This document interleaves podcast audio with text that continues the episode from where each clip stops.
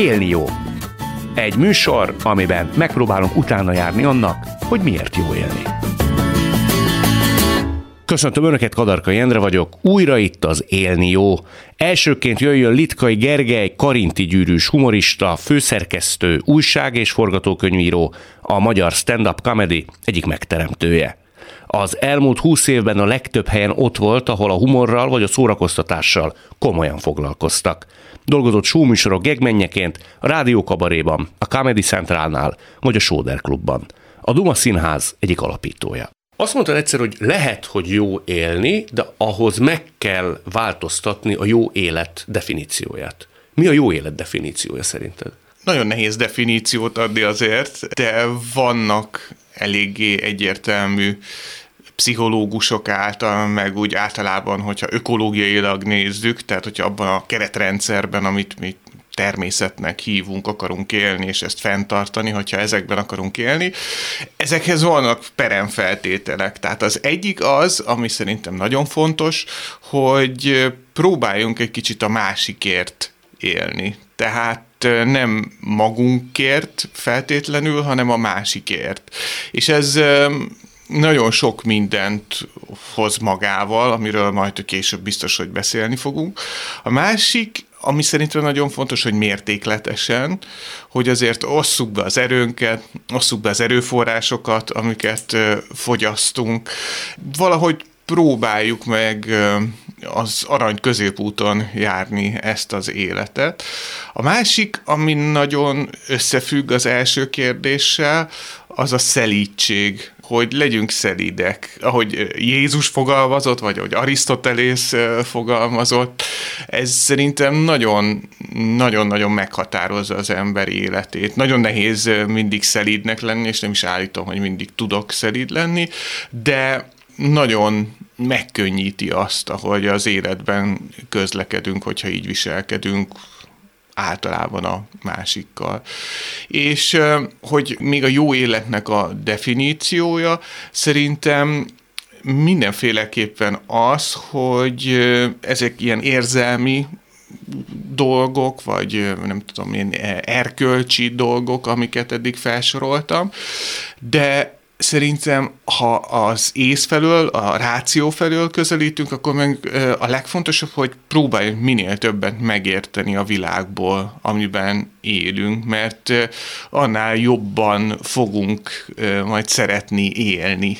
Mert csodálatos, hogy ilyen ez a világ, ennyire összetett, ennyire sokrétű, ennyire változékony, és mégis ennyire állandó, és ha ezt megpróbáljuk magunkévá tenni, ebben otthonosan mozogni, akkor sokkal jobban fogjuk érezni magunkat. Na menjünk végig ezen a négy dolgon. Ugye azt mondtad, hogy másokért nem valami önző filozófiát akarok itt megvalósítani, de elsősorban nem eredendően magunkért vagyunk felelősek, és a saját boldogságunkért kellene minél többet tenni? De, és pont ez az ellentmondás a kettőben, tehát hogyha másokért élünk, valójában magunkért élünk, és talán az egyik leghíresebb könyv ebben a témakörben, ugye az evolúcióval foglalkozik, és annak játékelmélet és matematikai alapokra való helyezésével, ugye az önzőgén, ami pont arról szól, hogy hogy nagyon önzőek a génjeink, vagy a genomunk, nagyon önzés, akár az egyes fajok is, de egy fajnak a fennmaradásánál nagyon sokszor fontos az önzetlenség.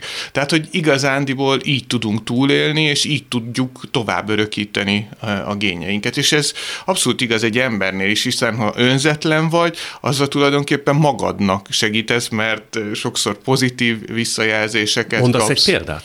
Tök mindegy, hogyha valakit átsegítesz az úton, mint ez a klasszikus önzetlenségi példa szokott lenni, akkor utána sokkal jobban érzed magad. Amikor átkísérsz valakit, neki is segítesz, ez neki is jól esik, neked meg jól esik, hogy valakinek jól esett, és ő ebben a viszonyban neked valamilyen pozitív visszajelzést vagy energiát adott, hogyha így közelítjük. Ez gyakorolható, fejleszthető, vagy egész egyszerűen vannak olyan emberek, akik erre elég korán rájönnek? Szerintem minden fejleszthető egyébként, és ez pont egy olyan érzés, vagy egy olyan működés az embernek, ami nagyon sok pozitív visszacsatolást hoz. Tehát nem egy olyan erény, mint a mértékletesség, aminek a gyakorlása szerintem nem az emberi természetnek feltétlenül a lényege.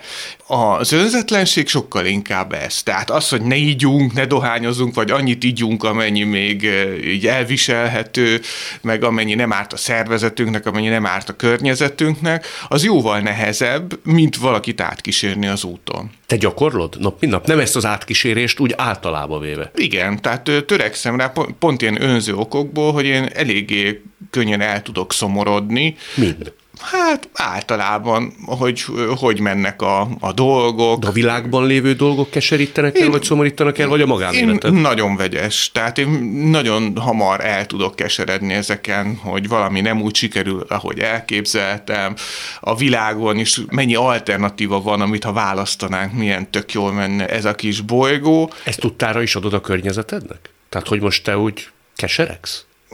Nem, nem. Tehát ez viszonylag ritkán szoktam ezt, tehát a nemet módosítva viszonylag ritkán szoktam ezt a tudomásukra hozni. Ennek praktikus okai vannak, vagy egész egyszerűen te egy ilyen szemérmes ember vagy?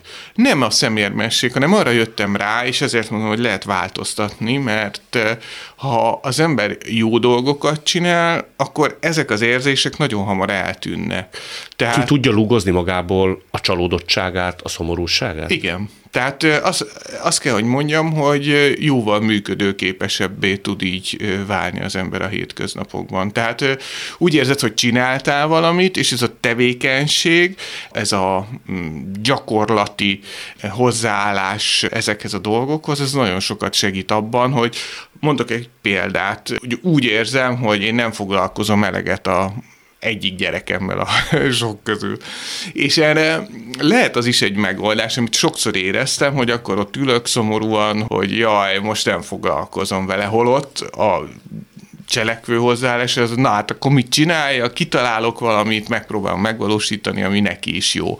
És ettől egyrészt foglalkozom a gyerekkel, másrészt nekem is sokkal jobb lesz ettől, mert azt érzem, hogy nem egy tehetetlenségben vagyok, nem ez a fajta passzív szomorúság van rajtam, hanem na, akkor csináltam valamit. Ez a, úgy szoktam hívni most már a családban, hogy ilyen projektmenedzser apu, hogy ha ezeket így férfiként, projektként kezelem, tehát, hogy na, akkor ezt meg kell oldani, ezt meg kell csinálni, akkor sokszor sokkal könnyebb ezekkel megküzdeni, mint hogy egy óriási problémának gondolnám, vagy egy leküzdhetetlen akadálynak. A második szó, amit említettél, hogy fogalom, vagy elv, az a mértékletesség.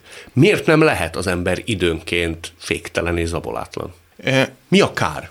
Én szerintem a mértékletességgel nem is az a baj, hogy időnként zabolátlanok vagyunk, bár ez az időnkénti zabolátlanság, az is nagyon nagy károkat tud okozni. Magunknak vagy a környezetünknek? Szerintem mind a kettőnknek. Tehát most részegen valakit lelökni a buszról, mint egy ilyen fiatalos zabolátlanság, csak hogy mondjuk egy példát, hogy ez azért másoknak komoly kárt vagy rossz érzést tud okozni, annak ellenére, hogy én életem legnagyobb estélyeként éltem meg ezt a dolgot. Másrésztről a mértékletesség azért is fontos, mert ha az ember mértéktelen, úgy vagyunk valahogy bedrótozva, hogy ez a mértéktelenség ahhoz, hogy ugyanazt az eredményt érje el, egyre mértéktelenebbnek kell lennünk. Tehát tök mint egy az alkohol, pénz, hatalom, tehát nem úgy működik, hogy hétfőn én nagyon sok hatalmat szerettem volna, és akkor kedden nekem elég ugyanannyi hatalom, amennyi hétfőn volt, hanem én kedden már sokkal több hatalmat akarok, mert az éri el nálam azt a fajta lelki kielégülést, vagy hatást, amit korábban még kevesebb hatalommal is el tudtam érni. De ugyanez igaz szerintem a, a, az alkoholra, vagy bármi ilyesmire, hogy ez, ez egy kicsit lavinaszerű dolog, hogyha az ember nem tudja eltalálni azt, hogy hol van az a határ, amit nem szabad átlépni. A harmadik szó, amit említettél fogalom, az a szelítség. A szelítség alatt te pontosan mit értesz, és mi a legnagyobb pozitívuma egy emberi élet során? A szelítség szerintem az, ahogy a másikkal bánunk, hogy bánj úgy a másikkal, hogy magaddal bánnál, vagy mindenféle filozófiában megvannak a maga frappáns egymondatai, de szerintem azért fontos, mert az életben nagyon kevés olyan lényeges konfliktus van, ami megéri azt, hogy emberileg a másikat mondjuk megalázzuk, vagy kellemetlen helyzetbe hozzuk, olyan diszkomfort érzést okozunk neki, ami nem arányos egyáltalán a helyzettel. És még akkor is, amikor egy ilyen konfliktus helyzet van, akkor is a szelítséggel szerintem nyitva hagyjuk annak a lehetőségét, hogy valamiféle kompromisszum szülessék. Ugye említettem, hogy te az a típus vagy tudomásom szerint, aki szeret tervezni, Excel táblákat vezetni. Nagyon. Te ezt nagyon szereted. Szerinted az életet lehet tervezni? Nem. Ugye te... Én erre egyértelműen azt tudom mondani, hogy nem. Én amik ilyen nagy változások voltak az életemben, azokat soha nem terveztem, hanem adódott egy lehetőség, és mivel volt egy elképzelésem arról, hogy hogy szeretnék élni, ezért meg tudtam hozni a megfelelő döntést. Erről már szerintem pont beszélgettem nem olyan régen, hogy van ez a hard choices, ez a nehéz választások, vagy nehéz döntése, és ugye egy döntés nem attól nehéz, hogy az ember felmérje, hogy az A jobb, vagy a B jobb, hanem attól nehéz egy döntés, hogy az A ugyanolyan jó, mint B. És az alapján kell döntést hoznod, hogy téged ez hogy fog a későbbiekben definiálni, vagy meghatározni.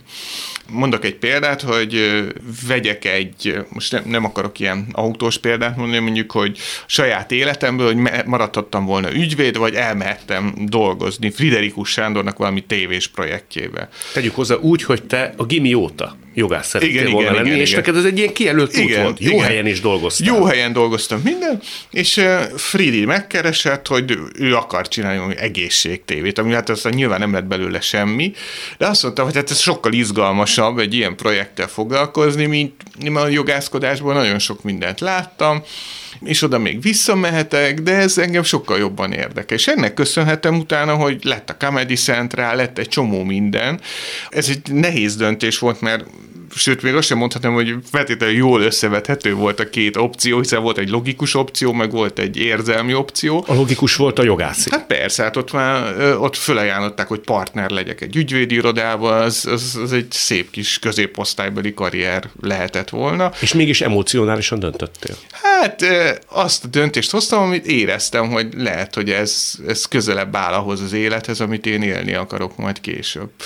És szerintem ezért nem tervezhető az éle, mert ki tudja, hogy lesz benne ilyen lehetőség. Az ember azt tudja csinálni, hogy vannak álmai, vagy van valamiféle ideális képe arról, hogy milyen akar majd lenni öt év múlva, vagy holnap.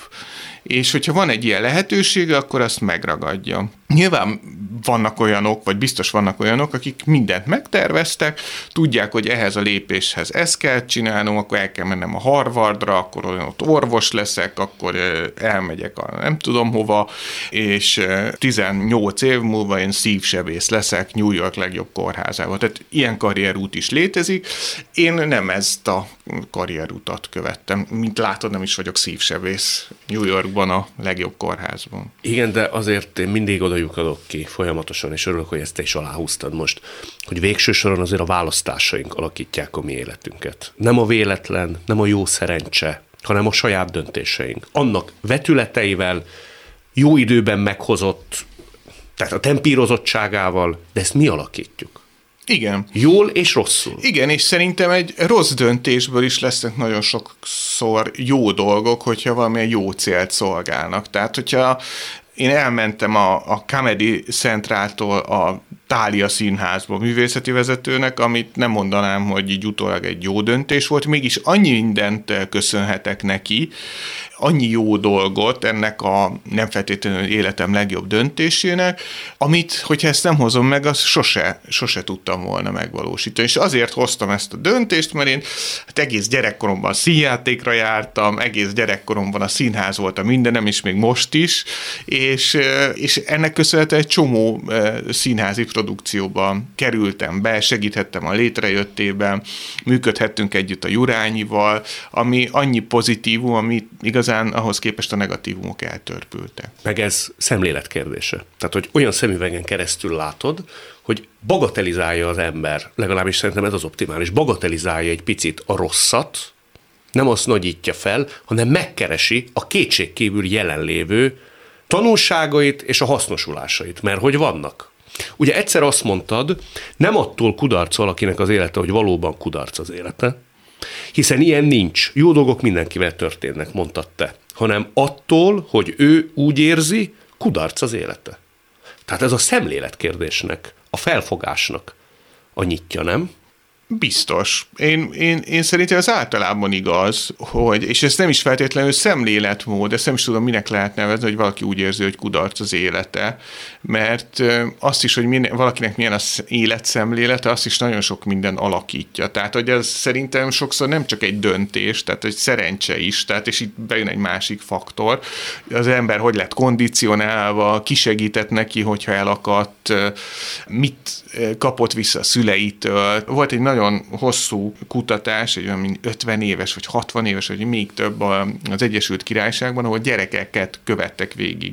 Közegészségügyi szempontból, meg hogy egyáltalán hogyan alakul az életük, és az egyik legfontosabb tényező ezekből a mély interjúkból, meg nyomonkövetéses vizsgálatokból az lett, hogy a, a szülőknek a gyerek jövőjébe vetett hite az volt az egyik leginkább meghatározó. A másik meg azt hiszem az, hogy olvastak-e neki este lefekvés előtt. Magyarul, hogy bízott-e benne a szülő? Igen, igen. Tehát, hogy ez, ez annyira meghatározza az ember hozzáállását a későbbiekben a dolgokhoz. Tehát, hogy lehet, hogy kettes kapsz matekból, az nem azt érzed, hogy azért kapták kettes, mert hülye vagy, hanem mert most ez rosszul sikerült.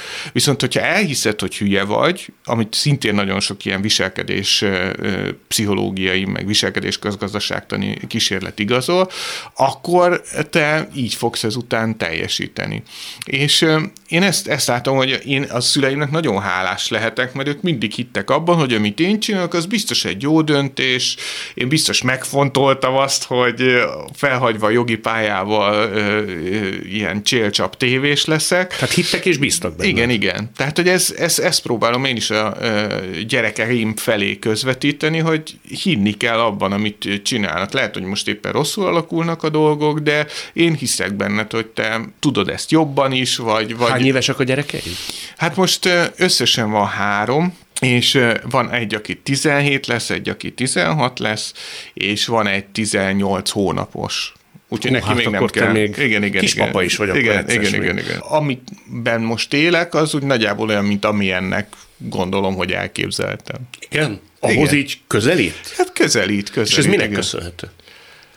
Ez szerencsének szerintem. Ez szerencse? Hát ez szerencse, szerencse onnan indultunk, hogy döntések. gondviselés, ahogy tetszik ezt. A, a szüleimnek köszönhetem ezt, hogy így, így ennyire bíztak bennem, és ennyi nehézségem, meg mindenféle kurflink ítérőn keresztül ott tarthatok, ahol tartok. Az, hogy a feleségem, mert ennyire jól kijövünk, vagy hogyha úgy nézzük egy vállásnak, ugye, hogy elváltam, és utána most tudtam úgy új életet kezdeni, hogy a régit se kellett teljesen úgy eldobni, hogy egy ilyen, ilyen mindent felégetünk vállás. No, de látod, ez már megint döntés kérdése, és választás kérdése. Persze. Hogy egy élethelyzetet az ember megszüntet, részlegesen legalábbis, és Igen. azt mondja, hogy nyitok egy új lapot. Nem Igen. mindegy, hogy kivel. Igen, és, és ez szerintem egy nagyon jó, tehát nagyon jó döntés volt. És én nem a házasság intézményében csalódtam, ezzel újra meg is házasodtam, hanem valahogy ez, ez az nem működött, és ez tök jó, hogy le tudtuk vonni ezt a következtetést, hogy nem működött, és mindenkinek javaslom egyébként, nem a vállást, csak azt, hogy egy élethelyzetet, én, én nem hittem belőle, hogy ezt lehet ezt az élethelyzetet jobban csinálni. Az ember azzal, amit mondtam, ugye, hogy konfliktus kerülő, meg fát lehet vágni a hátán, nagyon könnyen benne marad egy helyzetben. És ha változtatsz ezen, akkor egészen más, más, más érzelmeket, más hétköznapokat tudsz megtapasztalni. Igen, de azért ez egy nagyon súlyos döntés, és gondolom azért ez nem úgy történt, hogy föl kell az ember egy álmos ked reggel, és azt mondja, hogy na én ennek véget vetek. Azért ez nagyon sok gyötrődés, tipródás, bátortalanság, elindulás, megakadásnak az eredménye. Még végre valaki vesz egy nagy levegőt, és azt mondja, hogy merek nyitni egy egészen új lapot. Igen, igen, ez így van. Tehát ez nem egy könnyű dolog, de én nagyon örülök, hogy már így ezt az időszakot nem veszük el egymás életéből. És nyilván minden vállásnál szerintem az a legnehezebb, akinek gyereke van, tehát a gyerek, hogy mi lesz akkor, mi lesz a gyereke. Tehát én nekem ez volt a legfontosabb felvetésem végig, hogy én a lányomat ovitól kezdve gimiig minden reggel én vittem iskolába, Nagyjából a, a Comedy Centrától is azért jöttem el, hogy többet legyek vele, ne csak röpködjek ide, e, oda a világba. És azért ez egy nehéz pillanat volt, hogy ezt e, meg lehet-e jól oldani. És az a csodálatos ebben, hogyha a gyerekedben bízol ennyire, tehát addig is, tehát ahogy talán a szüleim neveltek, úgy próbáltam én is őt, tehát hogy ő nagyon felnőtten, és nyilván senki nem úszik meg egy vállás lelkisérülések nélkül, de hogy sokkal jobban eh, kezelte, mint, mint én vártam volna. Ez mi múlik? Hogy felnőttként kezeljük, hogy bízunk benne? Hogy bízunk benne, hogy szeretjük, tehát nem próbáljuk felhasználni a másik ellen, tehát nem egy ilyen kártya pakliban gondoljuk, hogy ő a Jolly Joker egy ilyen dologban. És a másik meg, hogy szerintem muszáj egy olyan szintű kapcsolatot megtartani, tehát hogy a közös szülői felelősség az, az megmaradjon. És ez nagyon nehéz egyébként, mert az ember után ott van egy új párkapcsolatban, és nem örülnek neki, hogyha van egy ilyen fajta közös platform, ugye, amin az ember mozog, de szerintem ez, ez megkerülhetetlen. Tehát egyébként akkora károkat okoz a saját gyerekének, aminek hát nagyon nehéz, nehéz utána jóvá tenni. De tisztában vagyok vele, hogy ebben is szerintem nyilván a döntés is, meg a szerencse is, meg az, hogy nem durvultak el a dolgok, mert azt is láttam egy csomó olyan vállást, ahol ez eldurul, és utána ez, ez, ez egy fenntarthatatlan állapot, és nincs, nem is akarnak egymással kommunikálni a fele. Ugye jól gondolom, hogy te most nagyon jól vagy. Kicsit álmos vagyok, ugye, mert a, a, a legújabb gyerek nagyon, e, hát fel kell még éjszaka, és ezért én nagyon szeretek aludni, ez egy ilyen egy igazi hétalvó vagyok, és ez így csökkenti ennek a lehetőségét, de hát annyi mindennel kompenzálja ezt, hogy tényleg, mint a, hogy egy nagyon rossz alkohol például, hogy ott az unikum íze, de hát a hatás.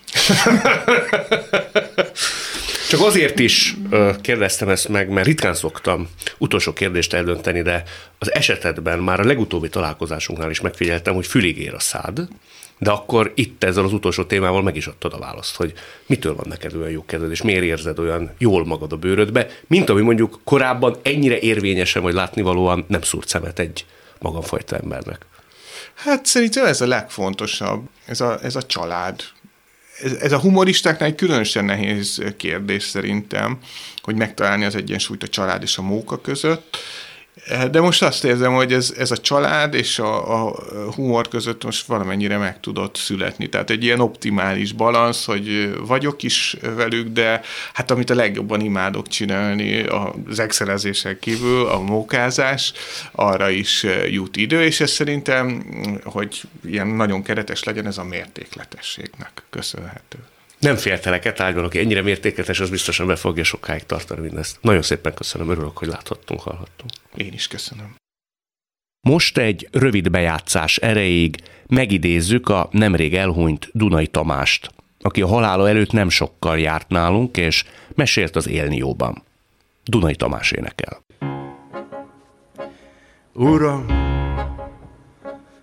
te, aki annyi szegény ember teremtettél, te is tudod, hogy a szegénység nem szégyen, de nem is dicsőség. Hát tönkre mennél abba, ha egyszer nekem is ide pottyantanál egy kis gazdagságot. Gazdag hadaj, ligadi gadi hadaj, Éjjel-nappal düga-düga-daj, tartana a nagy daj-daj, temetném a munkát.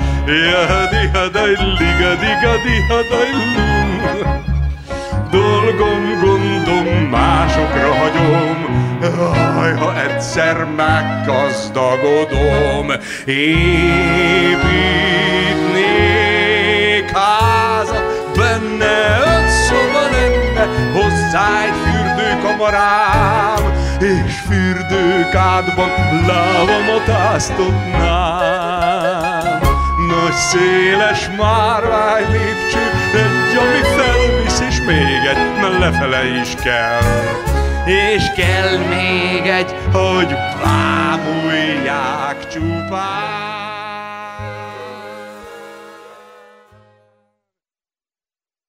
Litkai Gergely után jöjjön egy tündérmesének is beillő történet. Virc Ágnes férjével saját vagyonukból alapítványt hozott létre, állami gondozott gyerekeken igyekeznek segíteni. A Világszép Alapítvány évente 100 millió forint körüli összeget költ olyan gyermekekre, akikről elfeledkezett a társadalom, és akikben talán csak Ágnesék bíznak. De ők bíznak. Feltétlenül és kiapadhatatlanul. Ő egy igazi szeretett bomba, akit nem lehet megállítani. Van egy kedvenc karinti idézeted, nevezetesen, hogy tanúskodom a napról, hogy ragyog. Ez mit jelent pontosan? Ezt mikor szoktad használni? Egyre többször vettem észre, hogy, hogy a karinti előszót előveszem, és legtöbbször ezt, a, bennem ezt a, az optimizmusomat. Nem tudtam más, hogy mint, mint ebben az esetben Karinti segítségével, hogy, hogy ebben van egy ilyen felkiáltás, jókedv, hogy és tanúskodom a napról, hogy ragyog. És mindig ragyog? A nap az mindig ragyog, de nem mindig látjuk. Tehát, hogy szerintem ez a... És emlékeztetni kell magunkat arra, hogy akkor is ragyog, amikor nem látjuk? Szerintem igen, de ez nekem az az érdekes, hogy én azt érzem, hogy ez nálam nem egy az nem tudatos dolog, hanem azt hiszem, én úgy képzelem el, hogy engem gyerekként valami, mint Obelixet belejtettek valami optimista uh, italba, vagy nem tudom, és ez így, mint a Kejfej Jancsi, és én tanúskodom a napról, hogy ragyog, tehát ezt nekem dobták. De ezt ők kocsvasztották ezt a ezt, amiben belejtettek téged, a szüleid? Nem. Ők Én ennél ki? hiszem, so, nem, szerintem én nem hiszek ezekben, hogy én sokkal több vagyok, mint a gének és a szüleim én ettől. Csodálatosat kaptam, de ez, én ezt tágasabban látom, hogy, Nem a, hogy genetik, kik, hogy nem. nem a genetika határoz meg? A Nem. környezet?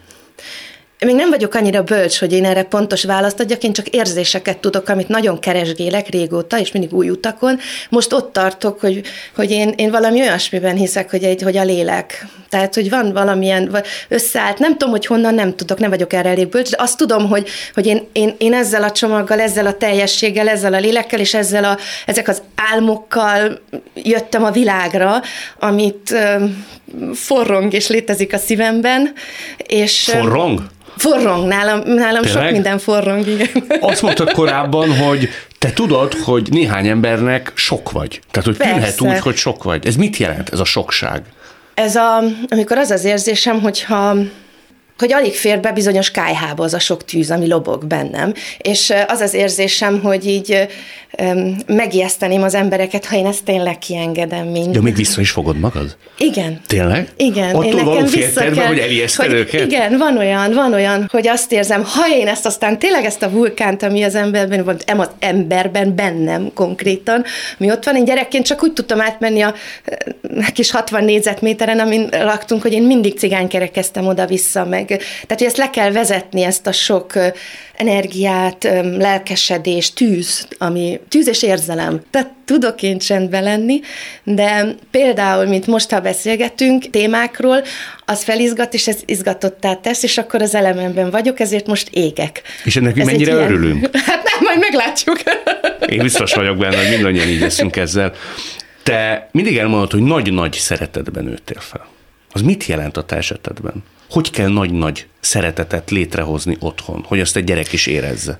Hát Nekem ez konkrétan azt jelenti, hogy a szüleim olyan szerelmesek voltak egymásba, és ezt mi hárman megéltük, és ebben éltünk, hogy ők szerették egymást nagyon, és nem cukormázról mesélek, hanem valóságról öm, láttunk nagyon jó jó veszekedéseket, és az is olyan jó, amikor látni, hogy a szülők úgy tudnak veszekedni, hogy tudod, mint a mesében, hogy a vége jó lesz. És mindig tudtátok, hogy jó lesz. Igen. De miből? Egy, ez a bizalom, mert azt érzi a gyerek a, abból, hogy hát a, a, a mintákat ismeri, tehát azt nagyon gyorsan leveszi a mintázatokat, és egy klasszikus helyzet az az, hogy édesapám végtelen humorral és kedvességgel lekezeli aztán, hogyha anyukám volt inkább a, mint hasonlóan én a tüzes. Én ebben ufó vagyok, tudom, és ez nem normális, hogy az embert ö, az én esetemben 18 évesen megismerkedem az életem szerelmével, és most 29 éve együtt vagyunk. Tehát mondom a gyerekekkel, akikkel együtt dolgozok, mentoráltjaimmal, hogy, hogy szerelmi bánatok, hogy gyerekek, én szívesen meghallgatlak, de nem vagyok szakértő. Te nem tudod, mi az a szerelmi nem bánat? Nem tudom, mi a szerelmi bánat. Úgyhogy én ilyen teljesen, tehát hogy ez, ez tudom, hogy nem normális, a saját gyerekünknek is azt tanítjuk, hogy nem ez a normális. Mert hogy ti most ugortunk egy nagyot az időben, ti kimentetek Németországba, ott éltetek kint 11-től 19 éves korodig. Így van. Visszajöttetek, és itt Pesten találkoztál életed szerelmével, aki egy jóvágású, nagyon jó családból származó, dúsgazdag és művelt német polgári Gyáros. Fiatal, gyárosnak a... Sarja. Hogy találkoztatok? A nővéremen keresztül, mert a nővérem egy elit német privát egyetemre járt, teljes ösztöndíjjal, tehát még szegény család voltunk, ez szóba nem jött, de ő az esze és a tudása miatt került be arra a német egyetemre, ahol az én férjem meg, mint ennek a nagy családnak a sarja ott tanult. Az érettségire készültem, még nem voltam pár nappal a 18. szülinapom előtt, ők azért voltak itt az egyetemről, hogy intézzék a konferenciájukat, a kongresszus szervezzék, és akkor mondta a nővérem, hogy na gyere már, mert én te úgy imádod ugye a művészeteket már akkor is, és mutasd meg nekik Budapestet, meg a Nemzeti Galériában a magyar festményeket, és akkor én mondtam, hogy ezt a sok hülye elkényeztetett közgazdász, meg gazdag fiú, ezen tökre nem érdekel, hagy békén, örülök, hogy itthon vagyok, de azért kellett megnézem, mert egy másik fiú ott tetszett a körben a nővéremnek, úgyhogy mondtam, na jó, van, jövök. Tehát tulajdonképpen áldozatot hoztál a nővéredért. Abszolút. És így találkoztál életed szerelmével. Így van. Szerelem volt első látásra. Ez tényleg így De ez van ilyen, hogy megláttad? Igen? Akkor ott, ott, tehát ott valami olyan történt, amire én hosszú ideig azt mondtam, hogy hagyjatok békén, ez nem szerelem, mert azt ezerszer olvastam már, azt mindenkinek lehet, ez más, ez is sokkal mélyebb, nagyobb, megfoghatatlanabb magyarul, de ez volt persze. Tehát és, és mindkettőnknek, tehát hogy így Tehát ő itt ülne, beütött. ugyanúgy mesélni el ezt a történetet. Meglátott téged, és azt mondta, hogy ez a nő lesz életem párja. Szerintem ez pár később mondta el, de utána mekkorát ütött mindkettőnknél, ahogy ez a, ez a crash, hogy így hirtelen a Vörös Marti téren megláttuk egymást. Mit éreztél? Nagyon-nagyon izgatott lettem. az Albrecht volt az, aki anélkül, hogy hangosan, de ezt, ezt volt neki akkora nagy kályhája, ami be tudta fogadni ezt a tüzet. És egyből ilyen magától értetődő módon fogadta be a tüzet? Tehát ti ott uh-huh. találkoztatok, és akkor ez kijelölt Igen, mélyen volt. olyan, hogy, hogy érzi az ember, hogy oké, okay, te vagy a párom. És ezt hosszan nem mondtuk ki, mert ez egy olyan magas, olyan mély érzelem volt, hogy ez, ez túl banális, vagy közhelyes lett volna ezt lefordítani arra, hogy ez a szerelem, és majd akkor összeházasodunk. Tehát semmit hossz, évig nem volt szó, de, de októberre, tehát novemberben ismerkedtünk meg, és kevesebb, mint egy évre rá megkérte a kezemet. Na de hogy ez a fiú választhatta volna azt az életet is, hogy egy ilyen, nem azt mondom, hogy könnyelmű vagy léha, de egy egyszerűbb ellenállás irányába is elindul. Tehát pénzük volt, műveltség megvolt, az a fajta koordinátorrendszer adott volt számára, amiben ő könnyűszerrel tudott volna mozogni, ő mégsem ezt választotta. És valahogy a segíteni vágyás, vagy a segíteni szándék az ott volt benne végig. Én ezt mindig megfordítom, mert a segíteni az olyan, magamat föladná, vagy mint mondjuk külső dolog lenne, vagy egy ilyen, hogy mondjam, nem is a kötelező, az már erős szó, de talán az, hogy öm, illik, vagy ez, ez egy jó dolog, és szerintem ez sokkal mélyebb, és én ezt merném azt mondani, tehát ezen sokat gondolkoztunk, hogy magyarul is ez az, hogy jótékonykodás, ez mint egy ilyen hobbi, hogy úgy, úgy. és ez, ez az, hogy az én életemről, és mindjárt mondom Albrechtnak is a kérdésedre, ez egy életérzés, tehát, hogy én, én így vagyok boldog, ezt, ezt megmerem azt is mondani, hogy ezt a saját örömömért teszem. De az a nagy ugrás, az a nagy váltás, amikor ő azt mondta, hogy na ez a családi cég, ez nem, ebben az életben, az én életemet nem akarom erre rátenni. Tehát körülbelül ez volt az a pillanat, és ez egyik napról a másikra jött nála ez a szabadság, hogy azt mondta, na jó, idáig és nem tovább. És én addig is mindig bátorítottam, hogy drága, akármi van, mi szabad emberek vagyunk. Nézzük meg, hogy itt ebből, amit úgy hívunk, hogy élet, mit hozunk ki. És amikor jött ez a döntés, ott mindenki elájult, hogy de hát még senki nem csinált, nem lehet 150 éves családi cégből kiszállni, de miért ne lehetne, mindent lehet. Mindent lehet? Mindent lehet. Mindent lehet. Nem szab nagyon... határt az élet, adta keretrendszer, hát a konvenciók. Nehezíti. Persze, hát az, azok, azok lehetnek, ha az ember nem ilyen szabadnak született, vagy mi mind a ketten ilyen szabad szellemű emberek vagyunk. Amíg ez a német családi cég, addig mindenki csinálta a dolgát, és mellette természetesen, most nem akarok, az ember ha ilyen lehetőségei vannak, akkor az valahogy az élet része, hogy természetesen ahol tudott és ahol helyzet volt, akkor is segített. De az, hogy saját alapítvány, az akkor lett, az 13 évvel ezelőtt, már akkor itthon voltunk, és amint hazajöttünk, elkezdtük tervezni, hogy jó, van ez a kettőnkben ez, a, ez az energia, és most hirtelen párult ez egy ilyen anyagi lehetőséggel, ugye mivel eladtuk a családi céget, ezért ott álltunk egy vagyonnal, egy kisebb vagyon volt, ezért ez nem egy nagy dolog, de hát mégiscsak.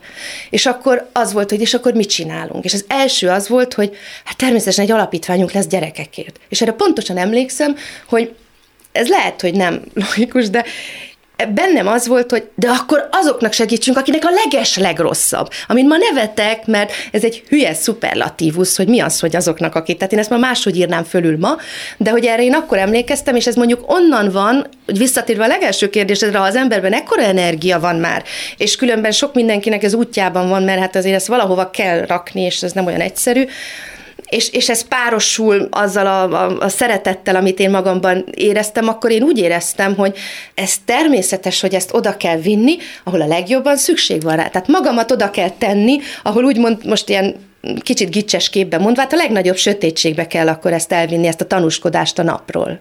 De mekkora ott a sötétség? Tehát milyen bajokkal találkoztok, milyen sorsok?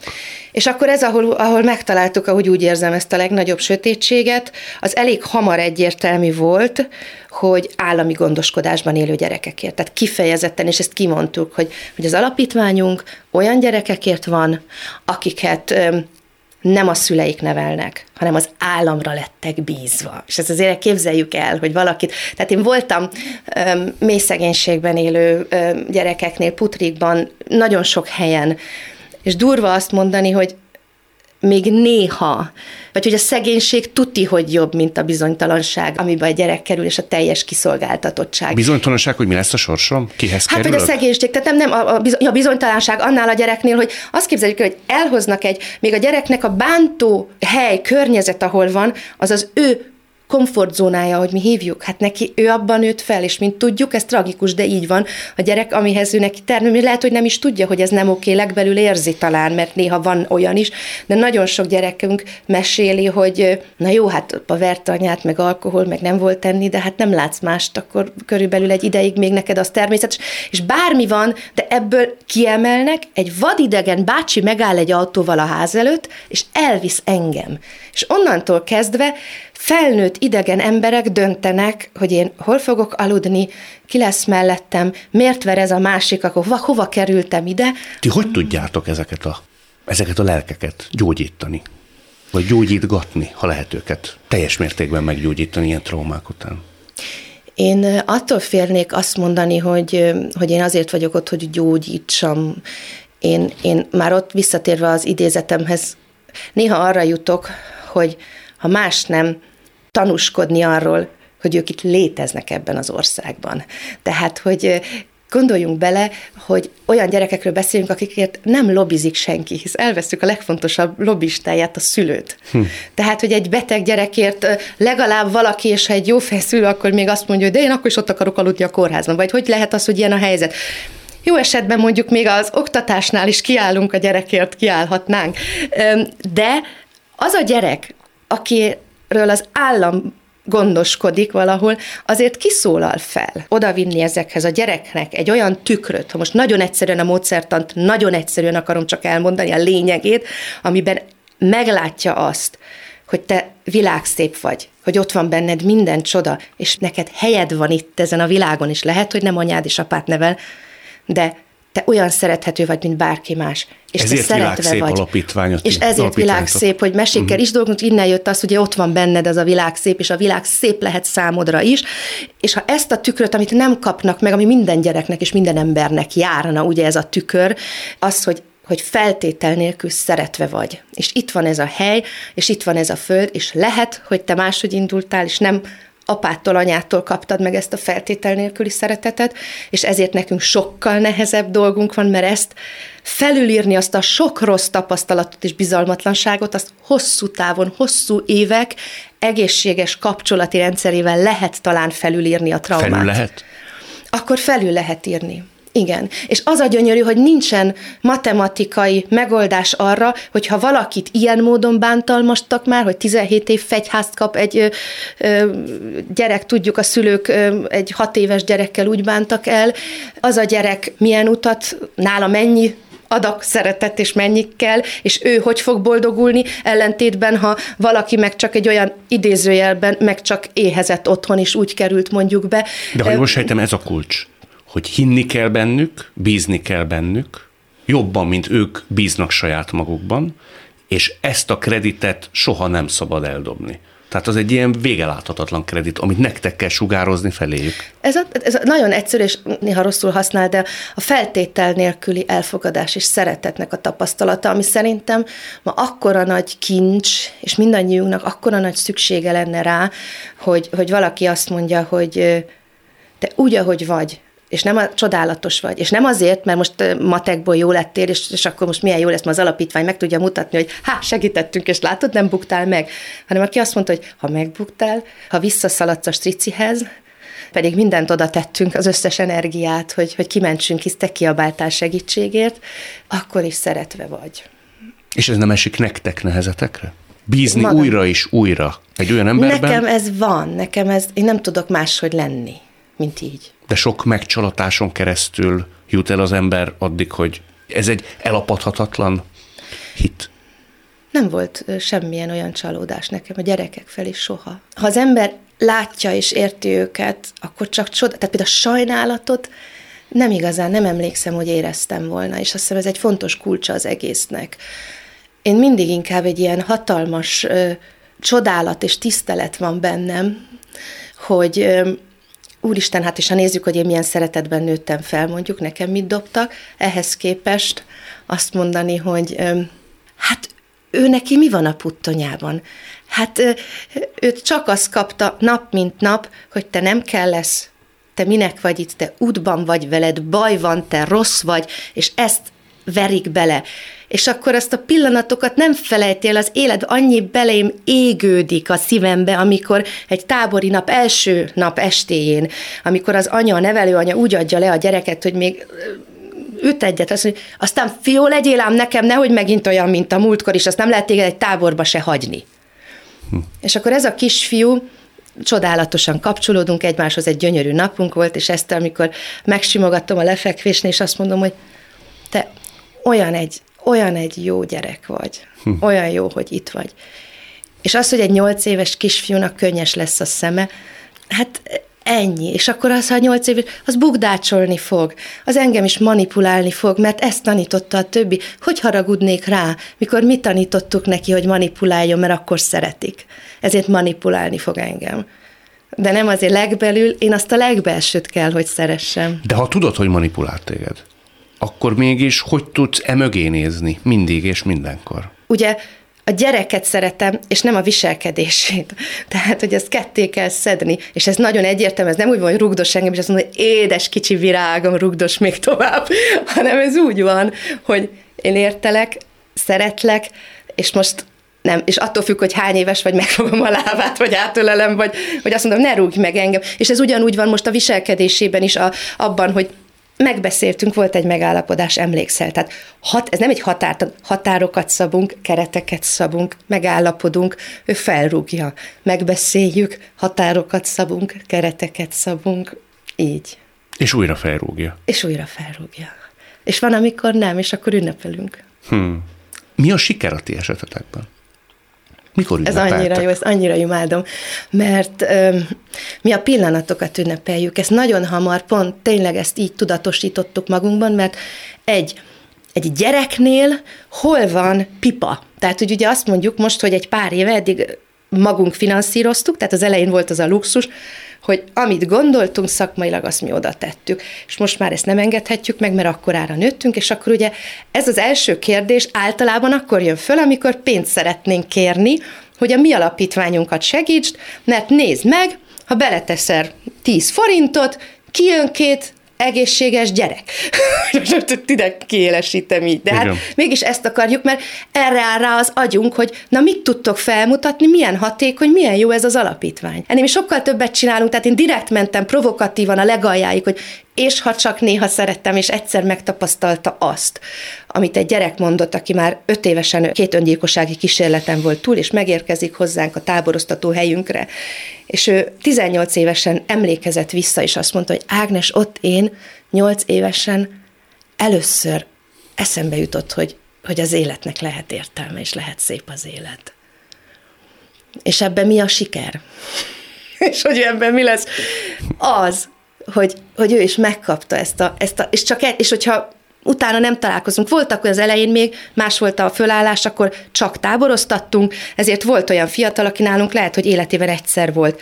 De az most Pécsről felhívott az egyik táboroztató, hogy pár hete, hogy Ágnes, itt vagyok. És, és képzeld el, van egy, egy kislányom, és én nem vagyok börtönben, mert a másik meg ezek börtönben vannak, tudod, akikkel voltunk, majd ő akkor szabadul, ő meg, és, én, és képzeld el, hogy vagyok, és úgy szeretném az új páromnak, akivel most együtt vagyok, megmutatni azt a helyet mert hogy nekem az először volt egy tapasztalat arról, milyen az, ha az embert elfogadják.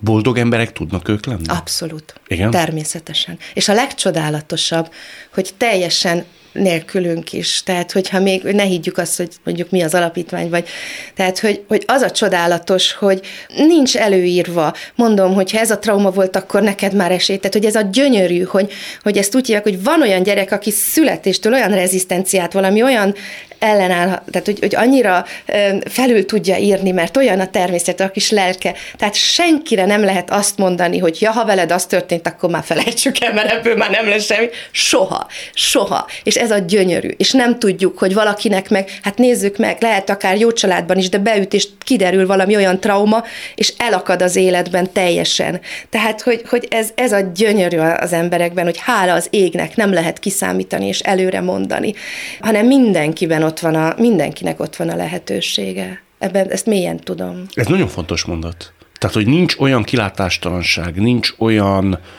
tragikusnak vélt élethelyzet, amiből ne lehetne látni valamifajta reménysugarat. Én mindegy, na itt van a tanúskodom a napról, hogy ragyog. Én, én ebben mélyen hiszek. Jól gondolom, hogy te nagyon hiszel a tiszta labban? Hogy mindenkinek jár egy tiszta lap? Abszolút. Mindenkinek jár? Igen. Igen. És teljesen tiszta? Hófehér? Teljesen tiszta hófehér. Hm.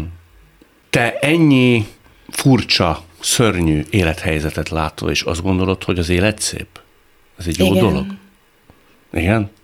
Nem tudta elvenni egy kicsit is az emberekbe vetett hited, az életbe vetett hited? Az a szomorú, hogyha ezt a, ma ugye annyit beszélünk a traumákról, és hát megtanultuk, hogy nem feloldani akarom a tetteket, hanem az embereket. Tehát a tetteket nem lehet, és azt el kell ítélni, amik tettek olyan bántalmat okoznak másoknak, meg olyan bántalmazások. De az, hogy ahogy az egyik általam nagyon nagyra tartott amerikai pszichiáter, agykutató, dr. Bruce Perry a legújabb könyvében nek a címe az volt, hogy mi történt veled, what happens to you. És ő úgy próbálja a traumát, és az elsők között van egy nagy trauma kutató is, hogy ne azt mondjuk, hogy miért így néz ki ez a lap, miért csinálsz ennyi szörnyűséget, hanem azt, hogy igazából mi történt veled, hogy te neked, hogy te így viselkedsz. És ez az a hozzáállás, hogy ha megnézem azokat a rettenetes abúzusokat, és azokat a tetteket, amiket elkövettek a gyerekeink, ahogy én ezt most mondom, akik általunk mentorált gyerekeink ellen a szülők, és csak fölteszem, hogy mi történt azokkal, és visszanézem, hogy őt meg hogy bántották, és előtte őt hogy bántották. És hogyha ezek a, ezek a fájdalmak és bántalmazások, ez most egy utópia, de hát most ilyen nagy vonalakban, hogy akkor is ekkora dimenziókban beszélünk, hogy az élet szépe, és ezért mondom, hogy a magiában, az, de mi emberek a választásunkkal és ezekkel természetesen a végtelenségig tudjuk ezt a fájdalmat sajnos vinni, és akkor ott az az élet nem szép, tehát nem ezt mondom, hogy az, nem habos tortáról beszélek, hanem arról, hogy a legsötétebb pillanatokban is, amint megjelenik, viszont vissza tud billenni ez a, a szeretet és az elfogadás, és én láttam ilyen pillanatokat, amikor, amikor hirtelen, és ez a gyereknél gyorsabban megy, ezért csodálatos. Tehát, hogy ők ugye könnyebben az ők is csodalelkük, azért néha tud gyorsabban reagálni még, mint a felnőtté, és ezért olyan csodálatos velük lenni. Amikor, amikor azt mondja, hogy Ágnes, én most rajzolunk együtt a tábor után, én most neked elmondanék valamit, de, de nem szeretném, hogy sírjál. Mert én elmesélném, hogy velem mi történt. És, és borzalom, amit, amit ott el akar mondani. És itt van az, hogyha nekem azt dobták, hogy én annyira emlékszem erre a pillanatra, hogy ugrált a szívem ölömében, hogy ez, úristen, eljutottunk, elhiszi, hogy, hogy ebből leadhat valamit.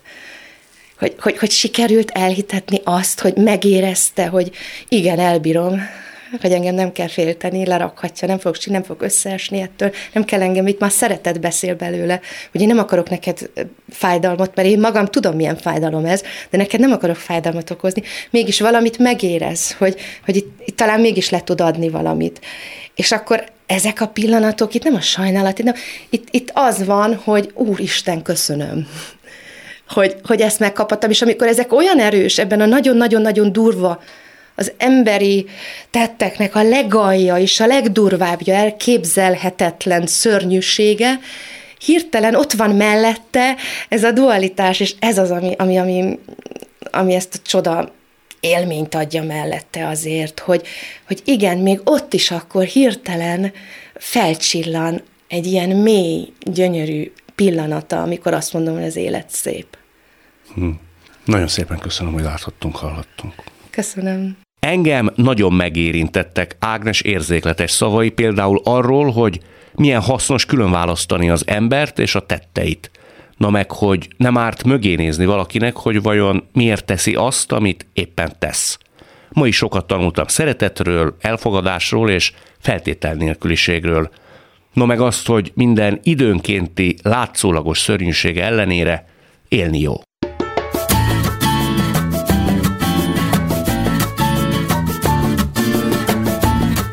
A mai műsor elkészítésében köszönöm Lehocki Mériam, Rózsehegyi Gábor és Lantos Dániel segítségét. Találkozzunk minden szombaton és vasárnap itt, a Klubrádióban. Viszont hallásra!